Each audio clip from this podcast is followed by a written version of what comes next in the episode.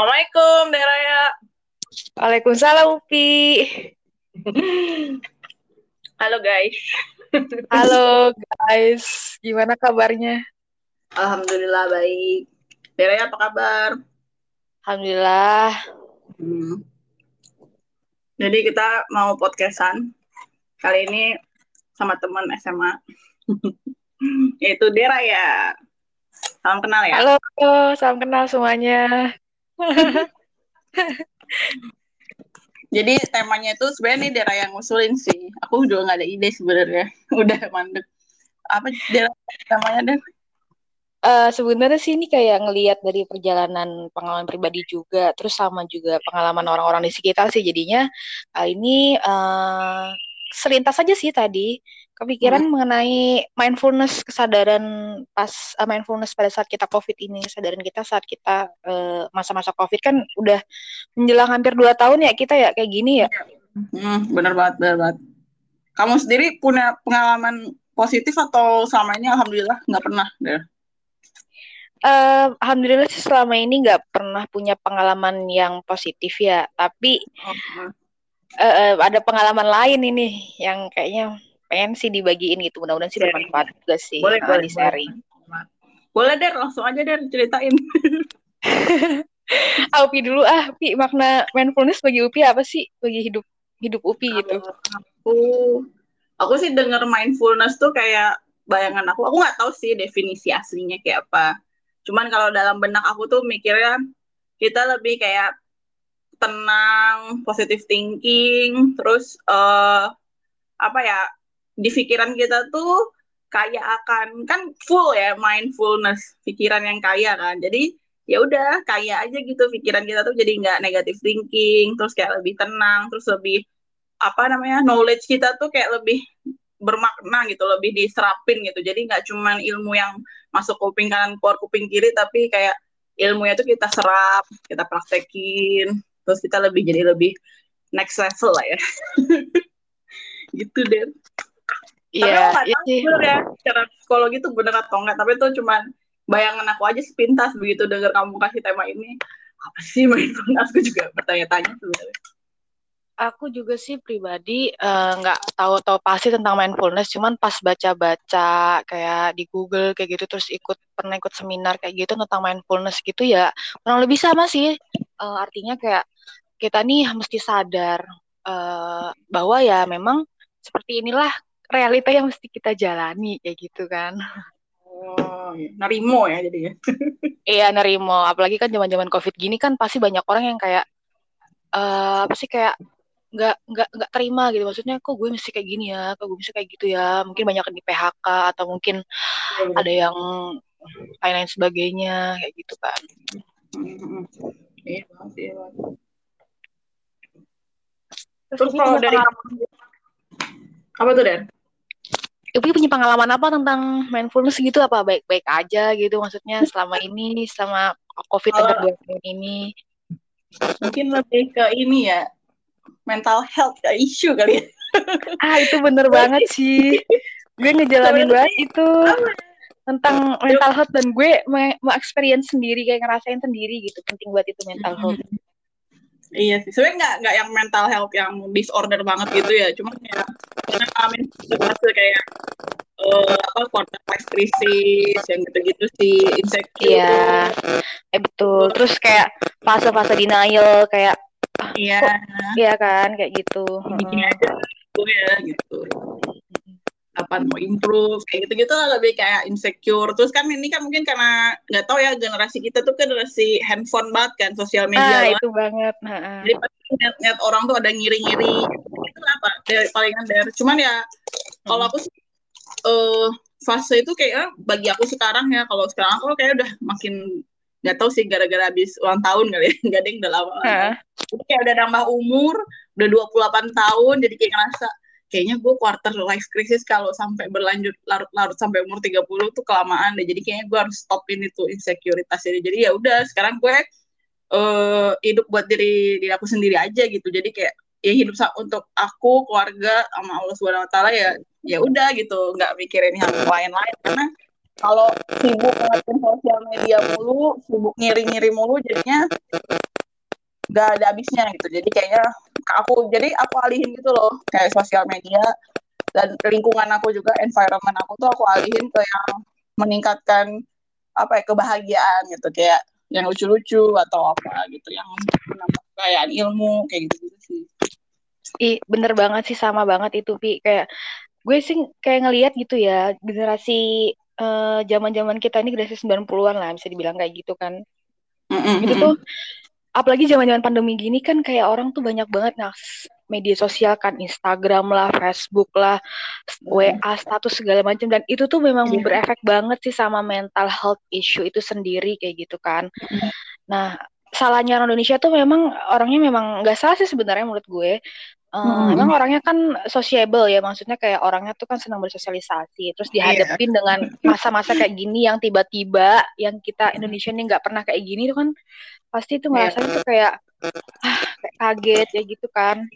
Iya betul-betul. Mungkin kalau di Eropa kan hidup individualis, hidup di rumah aja itu kan udah hmm. biasa ya. Tapi kan yeah. beda halnya dengan uh, kita di Indonesia kayak gitu dan itu penting banget sih gue setuju banget sama Upi yang kayak bilang uh, gue juga mulai semenjak gue kerja itu udah dua tahunan lalu lah ya itu gue udah mulai mengurangi banget namanya upload upload Instagram menggunakan Instagram terus kayak kalau Facebook memang gue udah lama banget nggak pakai sih cuman belakangan ini mungkin sekali sekali masih suka uh, yeah.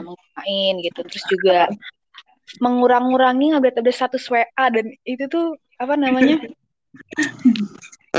itu tuh penting banget sih menurut gue walaupun ya gue paham sih sebagai cewek ya kita kan cewek yeah. ya mungkin kecenderungan untuk banyak bicaranya tuh pasti lebih banyak ya enggak sih yeah. Yeah. Nah ini sebenarnya podcast ini salah satu wadah buat gue menyalurkan unek-unek curhatan hati gue juga sih Der. Iya itu bagus banget gue juga setuju gue nyari-nyari teman kayak ini siapa yang mau ya maksudnya yang bisa sama-sama kayak ngasih uh, wawasan ngasih insight ngasih solusi yang kita rasain yeah. tuh kayak gini dan ternyata kita tuh nggak ngerasain sendiri ternyata orang lain juga ngerasain itu kan kayak oh yeah. kita tuh nggak kita tuh berjuang nggak sendiri loh gitu kita berjuang juga orang lain juga berjuang itu kan beda aja uh, ininya hmm, ikutin aja alurnya hmm. hmm. tapi bener sih kalau pas denger tema yang dia ajuin tuh kayak mindfulness saat covid tuh kalau aku ngelihatnya ya ini sih Der kan dari kemarin tuh banyak berita-berita duka ya dari mm, betul. Nah itu bahkan senior kita juga ya kan. Mm -hmm. terus ada juga beberapa teman-teman gue pas dulu kan gue pernah di Pontianak ya sebelum ke Depok ya. Mm -hmm.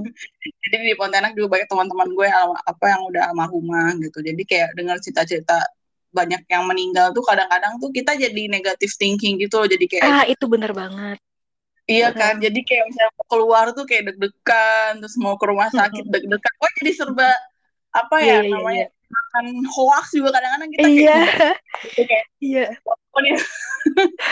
itu gue bener, ngerasain banget deh. Iya. Maksudnya kayak Terus, jadi kayak ketakutan itu kayak lebih tinggi kan maksudnya orang tua jadi makin lebih takut kan jadi kayak gue ya Allah iya. ini kita yang sehat jadi ikut-ikutan kayak ngerasa ah, terganggu juga nih iya, kayak gitu sebenarnya sih apa ya kan kalau kalau sering lihat di sosial media juga kan banyak yang ngasih-ngasih wejangan kayak ustadz-ustadz pasti mm -hmm. bilang tuh udah di tangan Allah udah ada yang nentuin yeah. kapan mm -hmm. kayak gitu kan mm -hmm. cuman tetap aja kita pasti kayak uh, ngerasa kayak gimana ya dan bukannya takut mati ya cuman kayak kayak apa iya ya? paham paham. Paham karena karena sekeliling kita tuh udah kayak ngalamin hal tersebut gitu. Jadi iya. uh, uh, dan kita sendiri pun uh, uh, justru gini sih menurut gue sih pi. Kalau misalkan uh, biasanya ya kayak uh, dokter nakes-nakes kayak gitulah itu tuh semakin ditantang kayak gitu justru keberserahannya mereka dan keikhlasan mereka tuh ya udah. Maksudnya kayak Ya, gue kalau gue mati besok ya udah emang ini udah kayak jalannya gue gitu lah. Kalau kita kita ini kan yang kayak mungkin banyak nggak apa di rumah kayak gitu kan kerja dari rumah atau segala macam itu kan kayak nggak ngelihat gitu ya uh, uh, kayak apa gitu ya.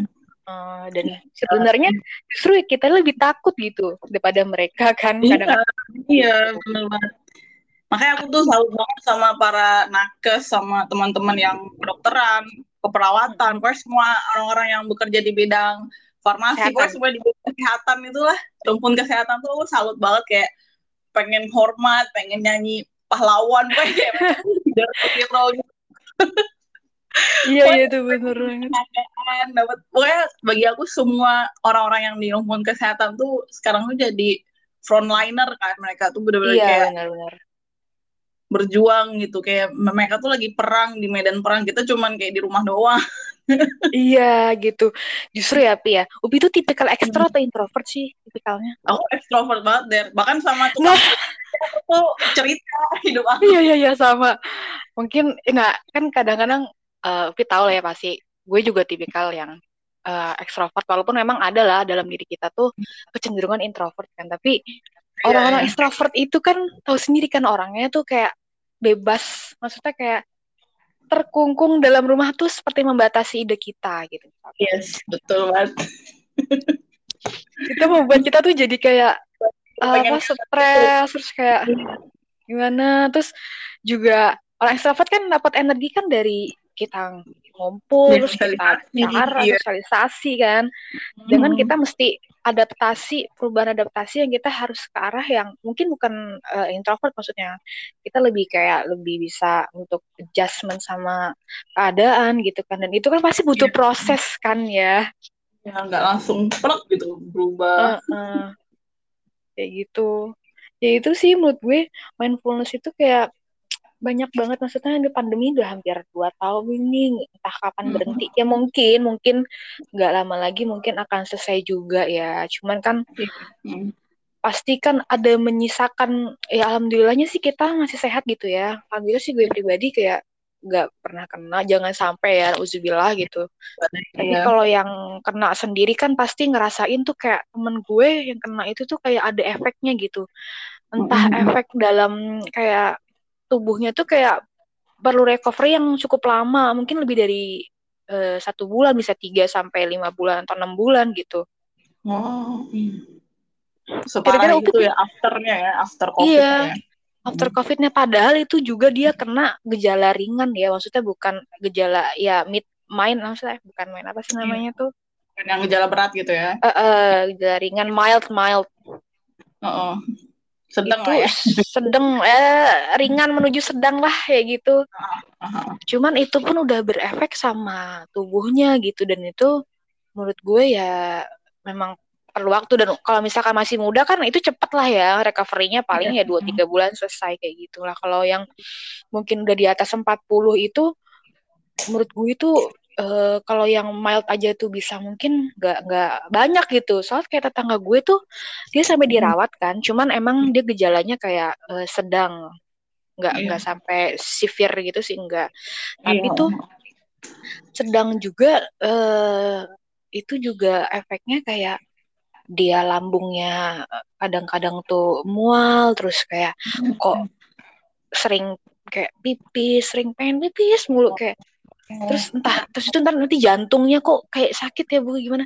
Itu tuh kalau menurut gue sih kayak residunya gitu loh sisa-sisanya dari iya. dari yang kemarin-kemarin gitu.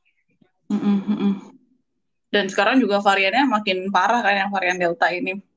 Mm-mm, varian delta ini. Kalau kalau gue pribadi sih Dep, dari pengalaman orang terdekat nih yang kena tuh nyokap uh-huh. gue ibu oh aku. oh iya terus gimana? Positif kan. Uh-uh. terus uh, alhamdulillahnya tuh gejalanya tuh nggak yang parah-parah banget gitu nggak sampai yang harus apa pakai alat itu dia cuma isoman di hmm. rumah cuman hilang penciuman terus demam hmm. juga kayak cuma tiga hari gitu hmm. cuman bener-bener pas udah after covidnya itu jadi gampang hmm. capek terus jadi katanya yeah. sih iya. jadi kayak gitu gitu cuman nggak sampai yang lambung kayak yang tadi tetangga di raya sih cuman ya kelihatan lah gitu bedanya hmm dan apa ya sempat khawatir juga karena kan itu uh, kita sekeluarga tuh kayak jadi alhamdulillah kita sekeluarga tuh negatif cuman ibu aku. Cuman jadi kayak khawatir ke ibu aku gitu. Alhamdulillah ibu aku tuh kayak positif thinking aja gitu. Jadi kitanya ya. malah lebih lebih was-was. Itu penting banget sih kayak mengatur mindset pikiran itu penting banget iya, untuk orang-orang yang menurut gue ya untuk orang-orang yang emang dia kena gitu. Dan sebagai keluarga pun menurut gue uh, juga hmm. harus kayak support dan positive thinking gitu. Jadi iya, kayak kalau kalau semua energi energi positif ini kayak tergabung menurut gue sih hmm. itu bakal bisa survive gitu ya. Jadi kayak iya. Ya kan? Kayak gitu.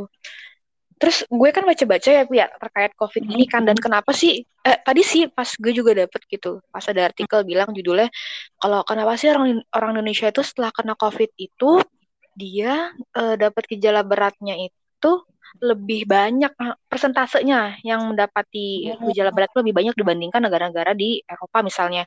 Terus gue kayak uh, kan gue belum lama ini kan tes vitamin D kan ternyata vitamin D gue itu rendah pi uh, istilahnya tuh insufisien tidak cukup gitu. tes iya ambil darah di prodia oh. gitu nah terus oh. ternyata emang vitamin D ini ngefek banget buat banyak banget efeknya sebenarnya ini temen gue pas zaman S2 dulu itu tuh udah pernah ngasih tahu eh lo minum uh, ini deh uh, minum vitamin D deh atau enggak lo makan telur deh makan telur deh rebus telur deh sehari uh, minimal dua deh lo makan deh bilang gitu kan.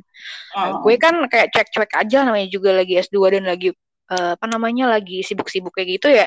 Ya udahlah. Hmm. Eh ternyata pas gue ngecek-ngecek ternyata benar hmm. gue insufis insufisien atau uh, oh, kurang banget ya. Kurang, hmm. Kan ada tahapannya ada kayak defisiensi emang itu udah kurang banget ada insufisien sama uh, cukup ya kayak gitu. Iya. Nah, pas gue cek ternyata gue insufisien gitu dan ternyata rata-rata orang Indonesia itu emang benar vitamin D-nya tuh kurang banget dan itu ngaruh banget loh sama kayak imunitas tubuh, terus sama ngaruh banget sama mood juga, ngaruh ah, juga sama kayak apa eh apa lagi waktu itu ya? Fungsi otak gitu-gitulah. Jadi emang ya, tahu nggak dari kenapa dari kita pada kurang vitamin D? Soalnya kita Kenapa? Indonesia tuh nggak mau kena matahari. iya bener ya takut hitam ya. Kan mereka pada cari-cari matahari itu. Habis winter masuk musim spring mereka langsung berjemur, nggak pakai di pantai nggak pakai baju. Iya bener bener. Ngindarin pakai kacamata hitam, pakai payung. Iya. itu itu bener banget. Dan sekarang itu udah ngasih gitu loh kayak vitamin D nih siang gue kasih. Iya loh. Gitu. Padahal tuh Indonesia kan negara tropis sih harusnya kan iya. kualitas imun imunnya tuh lebih tinggi gitu loh dibandingkan negara-negara Eropa. Hmm. Tapi ini tuh kayak kebalik gitu loh. Iya, kan mereka udah tahu ada ilmunya kali ya orang-orang. Iya. tahu manfaatnya berjemur, jadi mereka sekalinya winter kan mereka nggak ada banget tuh matahari. Begitu ngeliat matahari itu dikit doang tuh sama langsung berjemur buka baju langsung kayak iya, bener nikmatin itu matahari. Kalau kita tuh nggak nikmatin banget kita bahkan sampai pakai sunblock lah pokoknya bener-bener takut, iya. takut matahari maksud gue hmm, makan itulah pola-pola yang harus dirubah sih. Sekarang gue juga kayak ngerubah. Jadi kayak tiap yeah. pagi tuh kita mesti nyet nyeting mindfulness kita. Kayak pagi tuh kita olahraga sebentar terus mm-hmm. uh, itu yang gue lakuin sih olahraga sebentar terus habis itu kena olahraga sambil kena sinar matahari. Jadi kayak paling hmm. ya setengah jam lah ya kita agak-agak berjemur gitu. Atau olahraga olahraga kecil kayak naik sepeda atau ya olahraga olahraga dalam rumah juga bisa. Stretching, cuma tetap lah ya. hmm, stretching. Cuma tetap harus tiap hari itu harus kayak rutin. kita tuh dapat rutin ngejemur kayak gitu iya sih sebenarnya kalau gue pikir-pikir lagi mindfulness nih nggak bisa di apa namanya bisa ditingkatin gitu dengan iya. habit yeah. kan dengan kita bener, cara kita banget. ya misalnya sehari-hari kita ngapain berjemur atau kita mungkin lari atau kita mungkin olahraga gitu jadi kita kayak lebih teralihkan gitu loh kayak iya teralihkan. Iya setuju banget gue pi. Jadi kayak zaman zaman covid ini pasti banyak banget orang yang berpikir negatif terus overthinking kayak gitu. Terus terus gue kayak gue gak tahu nih apa gue doang yang ngerasa kayak gini ya. Kok gue kayak gini ya? Eh, banyak ternyata deh, ternyata banyak mungkin Upi juga gitu. Dan mungkin teman-teman iya. sana juga ngerasain kayak gitu kan. Iya. Rasa-rasa ketakutan lah mau keluar segala macam ya. Kalau gue sih pribadi uh, kalau untuk ketakutan terhadap COVID sih itu sudah nggak apa ya sudah biasa aja. Tapi bukan berarti hmm. gue mengabaikan prokes ya kayak gitu. Iya benar-benar sebenarnya sih kayak bikin salah satu yang bikin kita jadi insecure nih sama si covid mm -hmm. ini mungkin karena vaksin ya Der ya. Jujur nah, ya jujur gue paling males vaksin.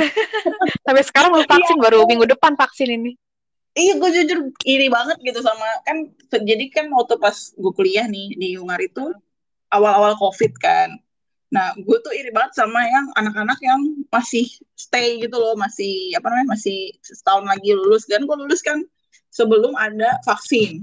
Jadi pas gue lulus tuh Oh. pulang ke Indonesia tuh vaksin belum ditemukan kan di Oxford Mm-mm. itu kan, Mm-mm. dari KI. Nah, terus begitu gue pulang nyampe Indonesia, kayaknya sih bulan-bulan akhir akhir 2020 gitu sampai awal awal 2021 itu Mm-mm. pemerintah Hungari itu langsung ngasih vaksin semua ke mahasiswa internasional dulu Oh, diprioritaskan. internasional dulu. Enak lah. Kocaknya nih Der, jadi Heeh. penyebab eh, COVID itu masuk ke Hungari itu gara-gara masuk ke internasional. jadi Heeh. pemerintah jadi kan efeknya kan ke lansia banyak yang meninggal terus Iyalah. Eh, orang tua gitu kan jadi Mhm. prioritas pertama tuh pemerintahnya tuh pinternya tuh mereka langsung ngekat gitu loh kayak karena kan mereka tahu nih Oh, ke internasional pada bandel Mm. suka traveling suka backpacker iya bener banget itu bener banget dah. jalan kan jadi mereka langsung di vaksin pertama tuh lansia baru Hmm. mahasiswa internasional saking ininya pin apa triknya gitu loh buat Hmm. ngemotong tari rantai si covid itu jadi Hmm. mahasiswa internasional semua di divaksin kan nah Mm-mm. itu gue iri banget duh kenapa gue kagak kagak perpanjang visa ya kenapa gue kagak Iya, sayang banget ya. Iya tapi alhamdulillah kan di Indonesia juga perlahan-lahan tapi pasti itu ada kan Eh, vaksin Iya. itu. Ya tapi kan Upi dapat ajen kan, dapat ajen AstraZeneca. Iya. Iya. Nah itu gue missing kemarin, gue missing itu baru gue pengen banget deh dapat ajen tapi ya udahlah mungkin Oh, oh. ajen itu kan soalnya kan gitu kan. Kenapa? Misalnya Kalau kalau nggak salah nanti bakal ada booster gitu kan buat yang Sinovac kalau nggak salah bakal ada Moderna apa apa gitu. oh itu buat nakes nyokap gue dapet, nyokap gue kan nakes kan, jadi dia dapet Moderna ntar yang ketiga. Mm. Iya semoga aja lah ya semuanya nanti bakal dapet karena emang ya emang makin kita benar-benar perang sama COVID tuh harus bareng-bareng gitu nggak bisa kayak cuman kita Iya. sendiri. Dan menurut gue sih kalau keefektifan vaksin dua kali itu mungkin eh, beda-beda mungkin ya tiap vaksin tapi tetap aja setiap vaksin pasti punya efektivitasnya untuk mencegah itu semua. Dan menurut gue juga dari pola habitnya kita kayak pola makan juga harus eh itu mindfulness itu menurut gue. Kayak ngaco ke pola habit, nah, habit terus pola makan, kebiasaan kan. Kayak Mm-mm. gitu. Pola tidur itu sebenarnya hal-hal kecil kayak pola tidur, minum air. Menurut gue sih itu juga pengaruh ya gitu. Dulu nih dari pas awal-awal COVID itu kan ini ya, maksudnya gue masih agak-agak stres gitu kan, masih insecure Mm-mm. gitu. Jadi itu gue Mm-mm. kebiasaan gue tuh berubah banget gitu. Dan itu kan waktu pas awal COVID kan gue masih di Hungari kan, jadi Iya. Jadi kurang tidur banget gitu. Gue pernah tuh sampai seharian tuh 24 jam tuh nggak tidur.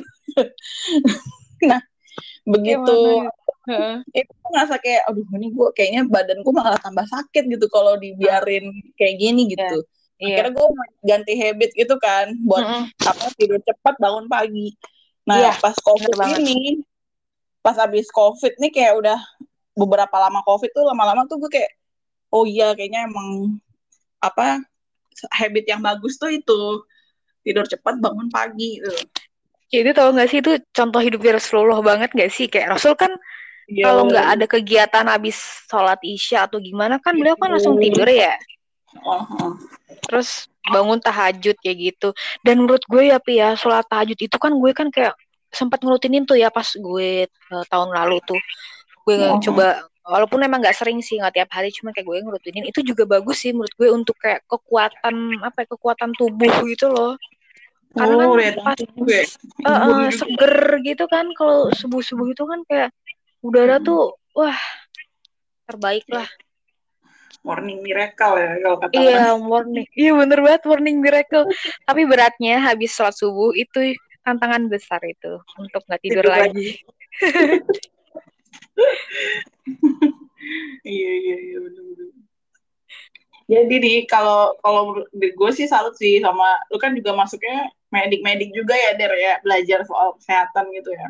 Mm-mm. Nah, Bisa banget nih lu sharing-sharing gitu loh kayak tentang apa namanya tadi entah itu metabolisme kita terus gimana kita Gila-gila gue kayaknya nggak sampai sedalam itu deh belajar metabolisme tapi kayak aduh udah ngulang itu lagi tuh kayak males kan harus ya itu kita bilang general aja deh gitu. Yang pasti menurut gue sih uh, hikmahnya gue tuh belajar S2 kemarin di biomedik ya. Itu kayak gue bisa lebih mengenal apa sih yang kebutuhan dirinya gue gitu, terutama untuk kesehatan ya, nggak cuma kesehatan fisik juga, tapi kesehatan mental juga gitu. Hmm. Itu misalkan kayak, uh, jadi kita benar-benar harus bisa mengenal dirinya kita sih, maksudnya kayak kalau misalkan kita biasa kan perempuan kayak mau haid itu kan ada siklusnya ya kayak PMS kadang tuh moodnya gimana moodnya gimana kayak gitu kan nah berarti uh, hikmahnya karena gue kemarin belajarnya itu kukusan sains reproduksi jadi kayak gue uh, ya adalah nyangkut nyangkutnya gitu. Kebayang lah ya kebayang ya. kebayang lah ya kalau perempuan tuh kayak gini tuh kayak gitu. Jadi kayak gimana sih kita setidaknya bisa menjaga mood? Kan kalau perempuan kan mau head kan kayak gitu kan ya modelnya ya? Iya benar benar gitu, jadi nah, itu bahkan waktu haidnya juga kita masih kayak kepengaruh hormon gitu kayak sering marah-marah lah apa. Iya. Nah itu penting banget namanya hormon serotonin hormon bahagia.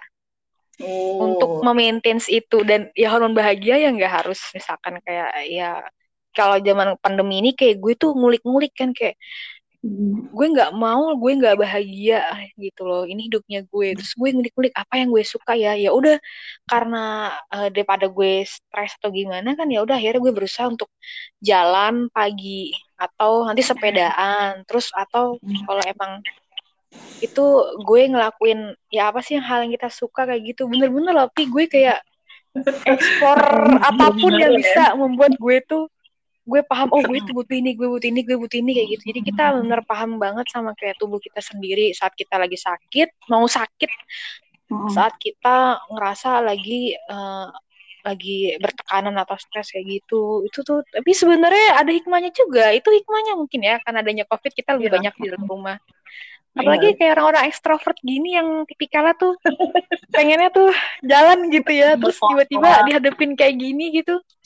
Jadi kayak oh waduh Nanti jangan-jangan aduh. ini setelah huh? pandemi kalau orang extrovert jadi pada introvert semua jadi pada di rumah doang jadi pada Enggak sih, kalau emang udah ekstrovert sejati tetap aja ada ada fase-fasenya oh, kita oh, iya. bakal cuman hmm. tetap aja kita bisa kayak adjustment kayak sama keadaan ya udahlah kalau emang kita nggak bisa ya udah kita di rumah aja kita ngapain kayak di rumah iya.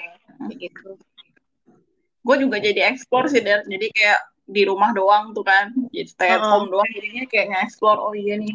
Salah satunya ini podcast ini lahir di masa pandemi.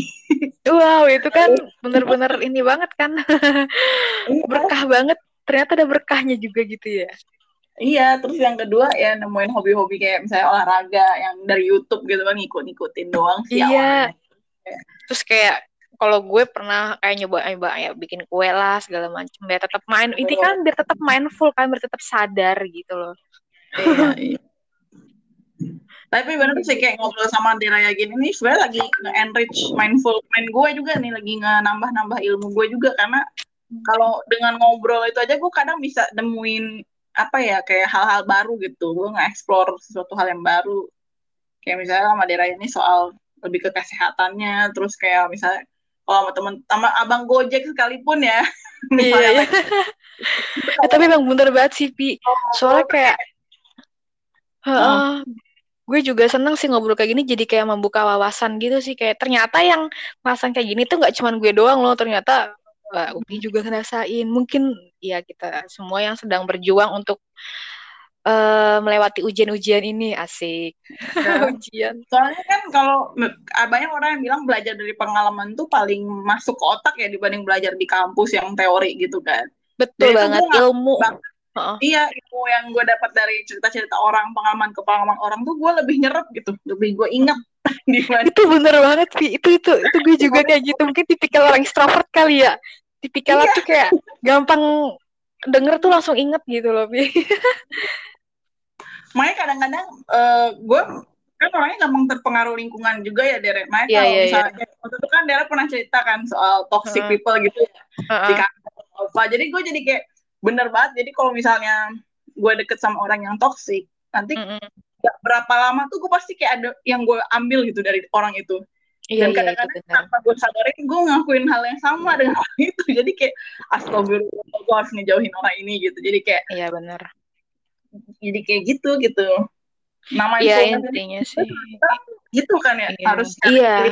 pilih gitu pilih-pilih sih kayak harus pilih-pilih lingkungan juga gitu ya. Cuman kita jangan melihat bahwa oh, ya orang yang kita temuin ini toksik atau gimana enggak. Kalau gue sih ngeliat kayak eh mungkin ini adalah kayak hik pasti ada hikmahnya gitu. Kenapa gue ketemu dia, ketemu dia, ketemu dia dan belum tentu kita pun nggak toksik bagi orang lain tuh ya belum tentu juga gitu. Iya. Cuman ya inilah kesadarannya lagi kan balik kayak ya udah Mhm. mungkin ini eh, ya bisa jadi ini ujian buat gue supaya gue jadi lebih baik lagi dan ini mungkin ya hanya perantara aja untuk nanti jalan-jalan kita ke depan gitu ya who knows kan gitu ya ilmu plus pengalaman adalah perfect menurut gue gitu sih Pengalaman. Waduh gila. Ini banget ya. Berat ya tapi kayak gak berat sih sebenarnya sih. Iya sih, soalnya kalau udah soal-soal mental nih emang kita kayak eksplorasi diri sendiri deh. iya benar sih. Kamu tahu tapi itu coba ini deh, Kenapa? tes MBTI, MBTI tes personality itu. oh eh terakhir kapan ya? Udah beberapa bulan lalu kayaknya deh. Upi Hmm. gimana udah pernah Aku tes udah- lagi Yang dari online dong sih, tes MBTI personality itu. Aku extrovert, EN, Hmm. EN apa ya? Aku ya. FJ apa TJ? Kalau gue ya Pi ya pas awal-awal tuh NFJ ya, tapi lama-lama berubah jadi E ENTJ. Oh gitu, bisa berubah ya itu ya. Bisa Aku sih pengaruh lingkungan. FJ sih aku. Bukan T, FJ, EN, FJ. J. Tapi itu judging. uh, tapi itu bisa berubah juga sih. Oh gitu. Maksudnya, Uh, uh, menurut gue sih itu bisa Hmm. berubah juga tergantung Ya. mungkin lingkungan yang membentuk ya kayak gitu. Hmm. Cuman ya pandai-pandai aja sih maksudnya kayak menempatkan itu semua gitu. Maksudnya kita kan nggak berpaku pada oh gue harus extrovert tuh harus kayak gini loh, harus pokoknya titik harus kayak gitu ya nggak gitu juga gitu loh. Kalau keadaan nggak bisa kita untuk kayak gitu kan kita nggak bisa maksain juga ya. Iya betul betul. Ya itu sih patokan aja sih. Pasti orang punya kecenderungan tuh ke arah sana. Gue juga kayak gitu. Mm-mm. Seru ya. Seru ya ternyata ya. Nggak nggak kerasa loh udah setengah jam ini kita ngobrol-ngobrol kayak gini udah 30 menit, 32 menitan ini. Gue kadang pernah der bikin podcast sampai sejam. kadang itu sudah cuman gue edit edit. ya nggak apa-apa sih sebenarnya. Yang Konsepnya penting ngobrol, emang konsep podcastnya tuh kayak ngobrol, ketemu teman lama. Apa ya? iya kita kita udah lama banget ya, Pi. Kita nggak talkative gini maksudnya kayak sekalinya ketemu ngobrol walaupun nggak secara langsung tapi kayak langsung topiknya tuh kayak yang mindfulness gitu. Ya, Hmm. yang wow, tapi emang ini sih realitanya sekarang kan kita emang pas gitu kan ya. Mm. Iya ya dari do, do, tahun berapa Dred nggak ketemu 2000 2011 eh enggak ya SMA. Pas kerja SM. Kayaknya sempat masih deh, Pi, sekali deh waktu itu. Enggak, tapi nggak inget di mana ya. Udah gak inget lagi dari mana. Udah hampir 10 tahun. Sekali rajin silaturahim ya. Iya bener banget. Jadi satu rahim juga. Kembali ke mindfulness lagi. Sebenarnya sih nggak mau balik sih. Soalnya konsepnya podcast aku tuh sebenarnya random talk sih. Der. Jadi kadang loncat-loncat gitu topiknya. Ya nggak apa-apa, yang penting kan bermanfaat ya. Maksudnya terutama bermanfaat buat diri sendiri gitu. Iya bener. Tadi kan daerahnya bahas kayak eh bahas juga soal yang kayak banyak orang yang di PHK lah, banyak orang yang Heeh. susah gitu ya. Aku jadi inget-inget lagi kayak emang soal rezeki gitu ya. Iya. Kan kemarin juga sempat ini ya, aku sempat galau-galau gitu kan soal Mm-mm. kerjaan. Cari kerja susah, mau Mm-mm. usaha juga nggak ada ide, nggak ada yang Mm-mm. bikin apa.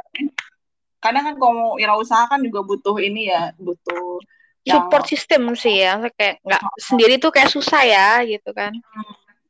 terus butuh yang unik-unik gitu loh, kayak ide-ide yang bakal bertahan lama apa nih. Kadang-kadang juga butuh jiwa-jiwa entrepreneur juga. Iya. Terus akhirnya ya itulah apa namanya? Aku jadi kayak kepikiran buat lanjut itu kan S3 kan waktu itu cerita juga Mm-mm. saya kan soal Mm-mm. Soal kenapa sih lanjut S3 kayak gitu-gitu. Jadi Mm-mm. emang tadi sih mau bahas ini juga sih sama teman aku yang aku sempat WA juga sama sama dirayakan Mm-hmm. S3 gitu cuman ya mungkin di next episode kali ya kita mau bahas ini lagi. Pengalaman ke Eropa gitu ya, biar bisa jadi ya ya, pengalaman hidup aja gitu. insya Allah bakal ini nih bakal Apa apa apa apa. Enggak lah, pokoknya ya Mesti yang terbaik aja lah, pokoknya yang terbaik aja lah, pokoknya gitu. tapi kan nggak kan tahu ya jalan hidup. cita-cita mau lanjut S3 atau pastinya kan maksudnya akan ada improvement-improvement itu untuk karir kamu kan Allahu alam, pokoknya yang terbaik diaminin aja. amin amin amin amin Nih Upi nih yang udah keterima nih ya, Bismillah lah gitu, semoga lancar semuanya, dapet amin ya yang dimauin tuh semua dapet gitu ya, nggak cuma studi, mungkin masa depan yang terbaik lagi apa. Iya sih Der. Sebenarnya kalau sekarang tuh di umur aku yang udah makin berpikirannya pengennya sih lebih dewasa ya, maksudnya lebih bijak Iya, gitu. iya. Aku Bener. udah makin aja gitu sama Allah mau apa pun ketentuannya ya. Iya, iya bener. Pasrah. Kayak udah ujung-ujungnya itu pasrah gitu. Mau kamu karena dulu juga kalau aku mau cerita background juga ya, buat Hmm. aku bisa bisa S2 lah, bisa sampai kerja Hmm. di sini di situ tuh sebenarnya pengaruh apa pertolongan Allah banget gitu loh, nggak nyangka gitu. Iya, Kayak iya bener Pi, bener banget sih Pi. Gue juga ngerasa kayak, malah yang mau kita rencanain itu malah nggak ada yang nggak ada yang dapat gitu nggak ada yang iya iya, iya tapi malah itu. kasih secara spontan itu malah kayak pas ngejalanin kayak lebih Hmm. Lebih indah aja gitu bahkan dulu waktu sebelum pindah ke Depok nih Der Hmm, jujur hmm, aja hmm, aku di hmm. Pontianak tuh ya hmm. terus aku pindah ke Depok tuh kelas 3 kan Iya, Semali kelas tiga ya. itu aja tuh kayak ngerasa eh ngapain aku pindah ya kayak menyesal di akhir gitu Iya iya iya. Ya, iya. kalau aku di Pontianak mungkin aku bisa masuk UI gitu ya chance Ah, lebih ah, ah. gede Ah, kayak ah, ah. menyesal gitu karena masih bocah Iya ya iya iya. Ah. Kayak menyalahi takdir gitu kayak kenapa kenapa Iya iya kenapa iya. Iya iya iya.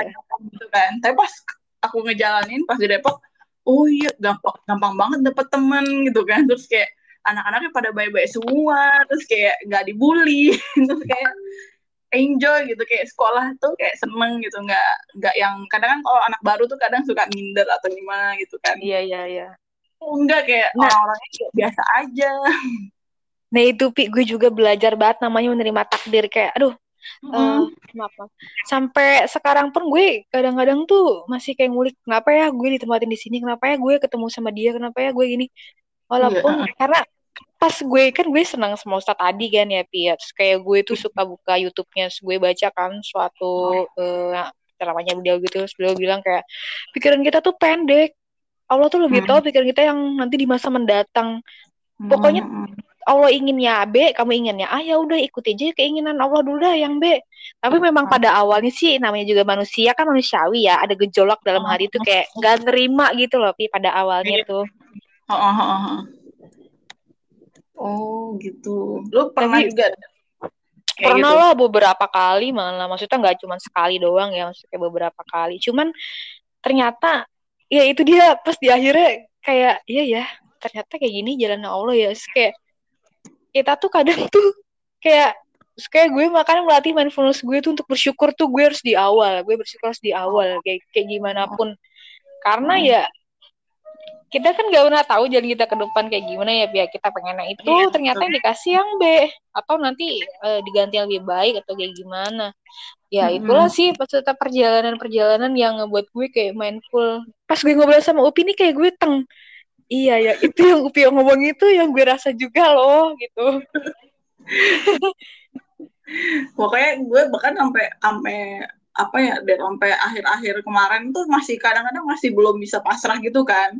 iya Padahal gue udah tua gitu ya, udah 20, 26 gitu kan. gue juga kok masih proses tenang aja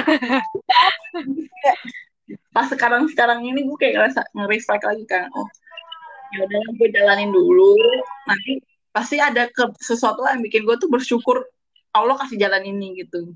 Iya, itu bener banget sih. Itu bener banget. Gue setuju banget sama Upi kayak gitu. Kadang ya kita nih, terus kan gue kan pernah sharing kan sama temen kan.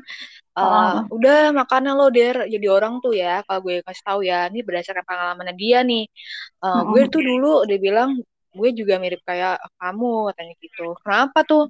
Ambisinya tinggi ekspektasinya tinggi. Oh gitu ya iya deh. Coba deh sekarang lo ngurangin itu ambisi sama ekspektasi lo deh. Ya memang sih itu perlu waktu. Iya sih itu perlu waktu. Tapi memang itu berguna banget buat nanti kita. Apalagi orang ekstrovert nih kan tahu sendiri ya orangnya tuh kan cenderung ambisi ambisi ya. Iya, iya. kadang tuh nggak punya remnya. Nah terus dia iya. bilang kayak gitu dia bilang kayak gitu ya udahlah mulai sekarang gue bangun tidur atau gue mau tidur gue harus inget-inget tuh. Gue harus menurunkan ekspektasi, menurunkan ambisi kayak gitu. Justru nanti kalau kita yang udah kayak berserah, kayak kita udah maksimal, terus kita nggak yang gue pengen A saya Allah saya pengen A banget gitu ya. Tapi ternyata lo nggak kasih kan jadinya ngenes ya gitu kan. Makanya iya. bener juga tuh kayak temen gue lo harus kayak gitu iya. Memang itu perlu waktu sih gue uh, gue uh, akuin cuman ya pasti kita bisa lah gitu ke arah situ Wih, mantap dar. Jadi psikolog apa der? Hah? Oh jadi psikolog enggak lah. Sama ya. Guys sih itu karena teman gue alhamdulillah tuh kayak gue tuh selalu minta sama Allah kayak ya Allah tolonglah hmm. saya dikelilingi sama teman-teman yang kayak mensupport saya jadi lebih baik tapi emang itu bener tau pi kan gue juga hmm. Kayak kita tuh bakal dikumpulin sama orang-orang yang seenergi gitu loh. Maksudnya kayak sama orang-orang yang emang sepemikiran terus hmm. satu sukaan gitu tuh tuh hmm. emang genre bener ya? gitu loh. Ya, satu genre gitu. Tinggal ya, kita tanya aja minta apa enggak sama Allah kan udah minta aja lah. Gue ya udah kayaknya dikelilingin uh. teman-teman yang baik tuh pas yang waktu gue berangkat ke Hungari tuh ya uh -uh. Itu awalnya tuh gue kan ini ya takut gitu ya kayak udah uh -huh. kayaknya di sana nggak ada teman-teman yang ini deh yang se, uh -huh. se semirip-mirip gue gitu ya. Iya.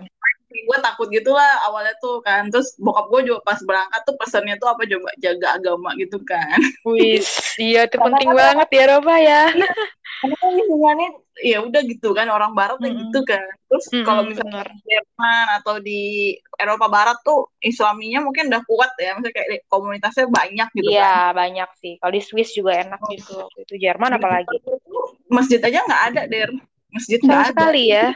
Kali nggak ada masjid di kotanya. Jadi ya di Budapest ada tapi kan kota gue bukan di Budapest. Jadi kayak yeah. empat jam dari kota gue mau ke Budapest. Jadi ya Wih, jauh iya masa mau ke masjid jam ini ke masjid empat jam empat jam gitu kan. Jadi ya jadi gue berdoa gitu loh supaya dicariin teman-teman yang soleh soleha soleha sih. Nggak soleh sih soleha soleh juga nggak apa-apa kali pi.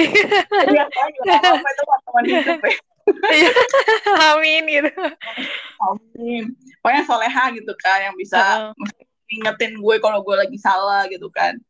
Nah pertama kali ke sana tuh gue ketemu sama cewek-cewek Afrika gitu loh yang orang-orang Sudan gitu kan iya iya pakai kerudung ya udahlah gue biasa kalau kita ke library kan duduknya coba cari-cari yang pakai kerudung gitu kan duduk sebelahnya mm -hmm. nah itu gue nggak nyangka banget pas lagi duduk diajak mm -hmm. ngobrol terus oh, diajak iya oh ternyata ada komunitasnya ada gue baru tahu gitu oh ada grupnya oh ada ininya bahkan ada ada sholat berjamaahnya hmm. gitu sholat jumat berjamaah hmm. di hall gitu loh kayak di hmm. olahraga gitu jadi ya pas gue tahu ya allah ternyata Islam tuh memang udah sampai ke kampung-kampung di Hungari itu udah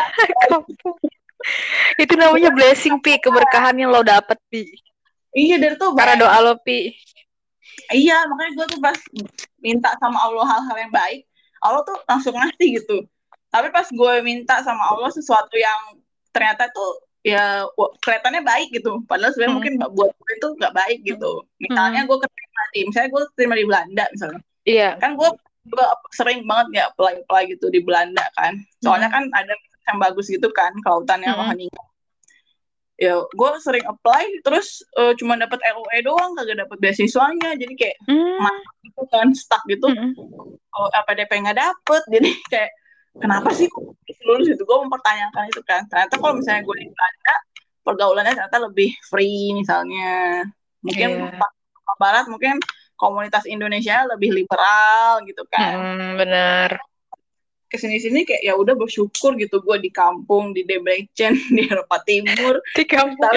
Pi itu gak kampung ya Pi ya? Terus kalau gue gue kejuring di kampung enggak kampung tanda kutip ya Der ya? Maksudnya Iya bukan sih. di kota gitu kan bukan Ah, di gitu. ibarat tuh kayak di mana ya di Nangor lagi Der kayak di Jatinangor oh kayak di Nangor lagi. Ya ya ya, ya paham paham. Lagi tuh kayak sepi mallnya cuma satu gitu kan. Jadi ya Allah bener kayak bukan kota maksudnya kota tapi kota kecil gitu bukan kota yang besar gitu kayak Budapest gitu kan. Jadinya ya ya pas gue ke sana tuh jadi kayak oh ternyata ya Islam tuh udah nyampe ke kampung-kampung gitu loh. Jadi kayak gue bersyukur gitu. Oh ternyata ini maksudnya Allah gitu kan.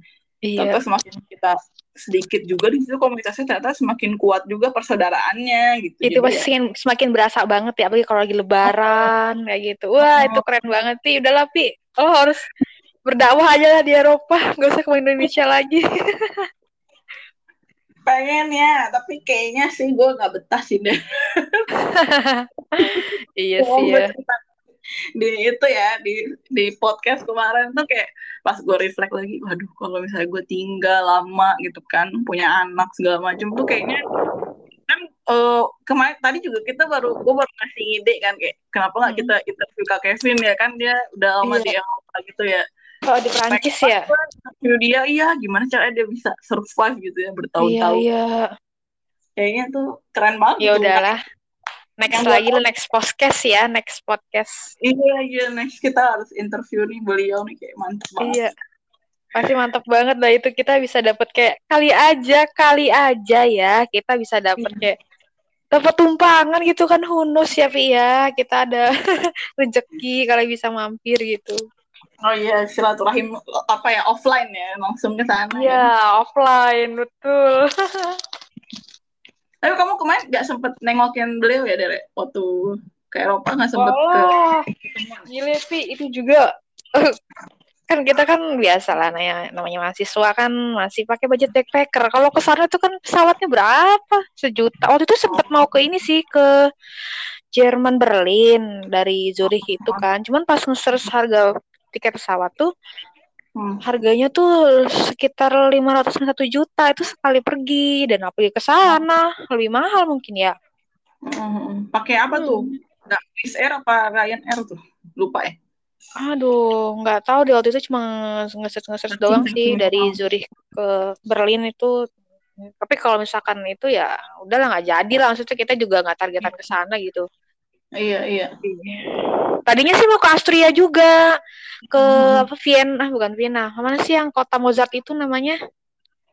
Hmm. Cuman kan mikir, wah ongkos kereta nih kalau naik kereta kan kereta lebih mahal kan ya lebih pada bus ya. Oh iya iya bener banget bener banget. Kalau mau ngemper-ngemper ya naik bus sih, Der. Cuman ya itu sakit badan, sakit tulang. Nah itu. ya udahlah next lagi lah kalau ada rezeki dan kesempatan gitu. Insya Allah ya, kapan namanya kita silaturahim ke Kak Kevin ya. ya Soalnya insya Allah amin. sebenarnya, amin amin. Hmm? Sebenarnya waktu itu tuh sempat WA-an sama beliau tuh Der. Jadi Mm-mm. kan aku lagi nge-trip tuh yang backpacker trip gitu, terus cerita Hmm. sama Kak Kevin, aku mau mampir ke Paris nih kotanya, tapi Iya. Kak Kevin, Paris bukan gitu kan. Terus beliau bilang dia di kota lain gitu, di agak ke selatannya gitu kan. Jadi Mm-mm. mana gitu ya. Lupa. Pokoknya di aku kontak dia via Facebook kan. Terus akhirnya dia kasih nomor WA-nya nanti kabarnya kalau jadi ya. Terus aku bilang waduh kak kayaknya nggak jadi deh kak Kevin. Soalnya jauh ternyata dari Parisnya. Jadi ya kalaupun apa katanya emang dia juga nggak di kotanya gitu kan Mobil itu sekitar sejam beberapa jam gitu kan Mm-mm. ya nggak jadi deh Iya sih mungkin karena lokasinya beliau juga tempat tinggalnya nggak di dekat kota ya, tapi kayak agak lebih ke kampung, jadi mungkin susah susah dijangkau ya itunya. sama kayak aku kali ya di kampung Iya mungkin kasusnya sama kayak Upi, jadi kayak mau ke mana-mana tuh agak ag- nggak mudah gitu loh, kalau belum familiar kan. Mm-mm, mm-mm. Mm. Ya mudah-mudahan aja lah nanti, mudah-mudahan COVID ini segera berlalu lah ya, sudah divaksinasi Iya, semua itu orang sih. nanti. Yang penting emang COVID-nya harus pergi dulu. Kalau kita susah mau ke mana-mana juga. Iya. Kemarin Waktu daerah yang ngajak jalan tuh aku sebenarnya insecure sebenarnya yang pertama tuh satu COVID. Iya iya. Terus yang ya. kedua Iya, terus yang kedua mungkin ini juga keuangan karena lagi covid nggak ada pemasukan gitu-gitu kan. Iya, iya, iya. Kan. Jadi ya, ya udah, deh ntar dulu ya deh. Iya. iya, iya nggak apa-apa. Kan kita nggak pernah tahu ya, Pi ya, ke depan jalan itu kayak iya. gimana. Itu iya, kan cuma ada. keinginan kita aja. Heeh, tadi rezeki kali aja nanti UPI sekalian umroh atau gimana. Eh, tahu ke Turki juga atau ke Eropa lagi dari sana haji bahkan kan. Amin, amin, amin, ya robbal amin. Intinya mah diminta kali ya. Kita harus banyak minta aja lah sekarang lah. Iya betul betul. Emang ini sih kuncinya emang kita harus banyak minta-minta gitu ke Allah. Iya benar ya udah sih kayak gitu. Gimana nih? Masih udah dicukup atau masih mau lanjut? Udah kali ya. Kayaknya makin iya. panjang makin makin ngalor ngidul gitu. Makin iya habis, nih. Habis kopi. Hampir satu jam ya ternyata nggak. Kalau perempuan tuh ngobrol tuh nggak berasa ya. Gak berasa deh, ya Allah. Aku pernah tuh dari pagi sampai siang gitu kayak udah mau zuhur, ya Allah. Gak kerasa deh ngobrol tuh emang itu deh kalau orang extrovert gitu kali ya. Iya, Semua emang itu. gitu. ekstrovert sejati, tapi kita nggak nggak nggak yang pakem banget lah sama ekstrovert. Kita bisa juga adjustment sama keadaan. Benar banget. Udah. Oke deh, Der. Thank you ya, Der.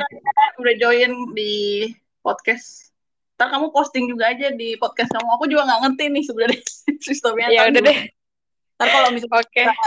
Saling nge-share di mm -hmm. akun kita share aja nggak apa-apa. Oke, okay, tapi ini males banget kalau harus memotong-motong cut-cutnya itu lagi, udah share aja. Iya, aku juga nggak pernah di-cut sebenarnya. ada ada hal-hal pribadi yang ke expose ya udahlah. ya udahlah ya.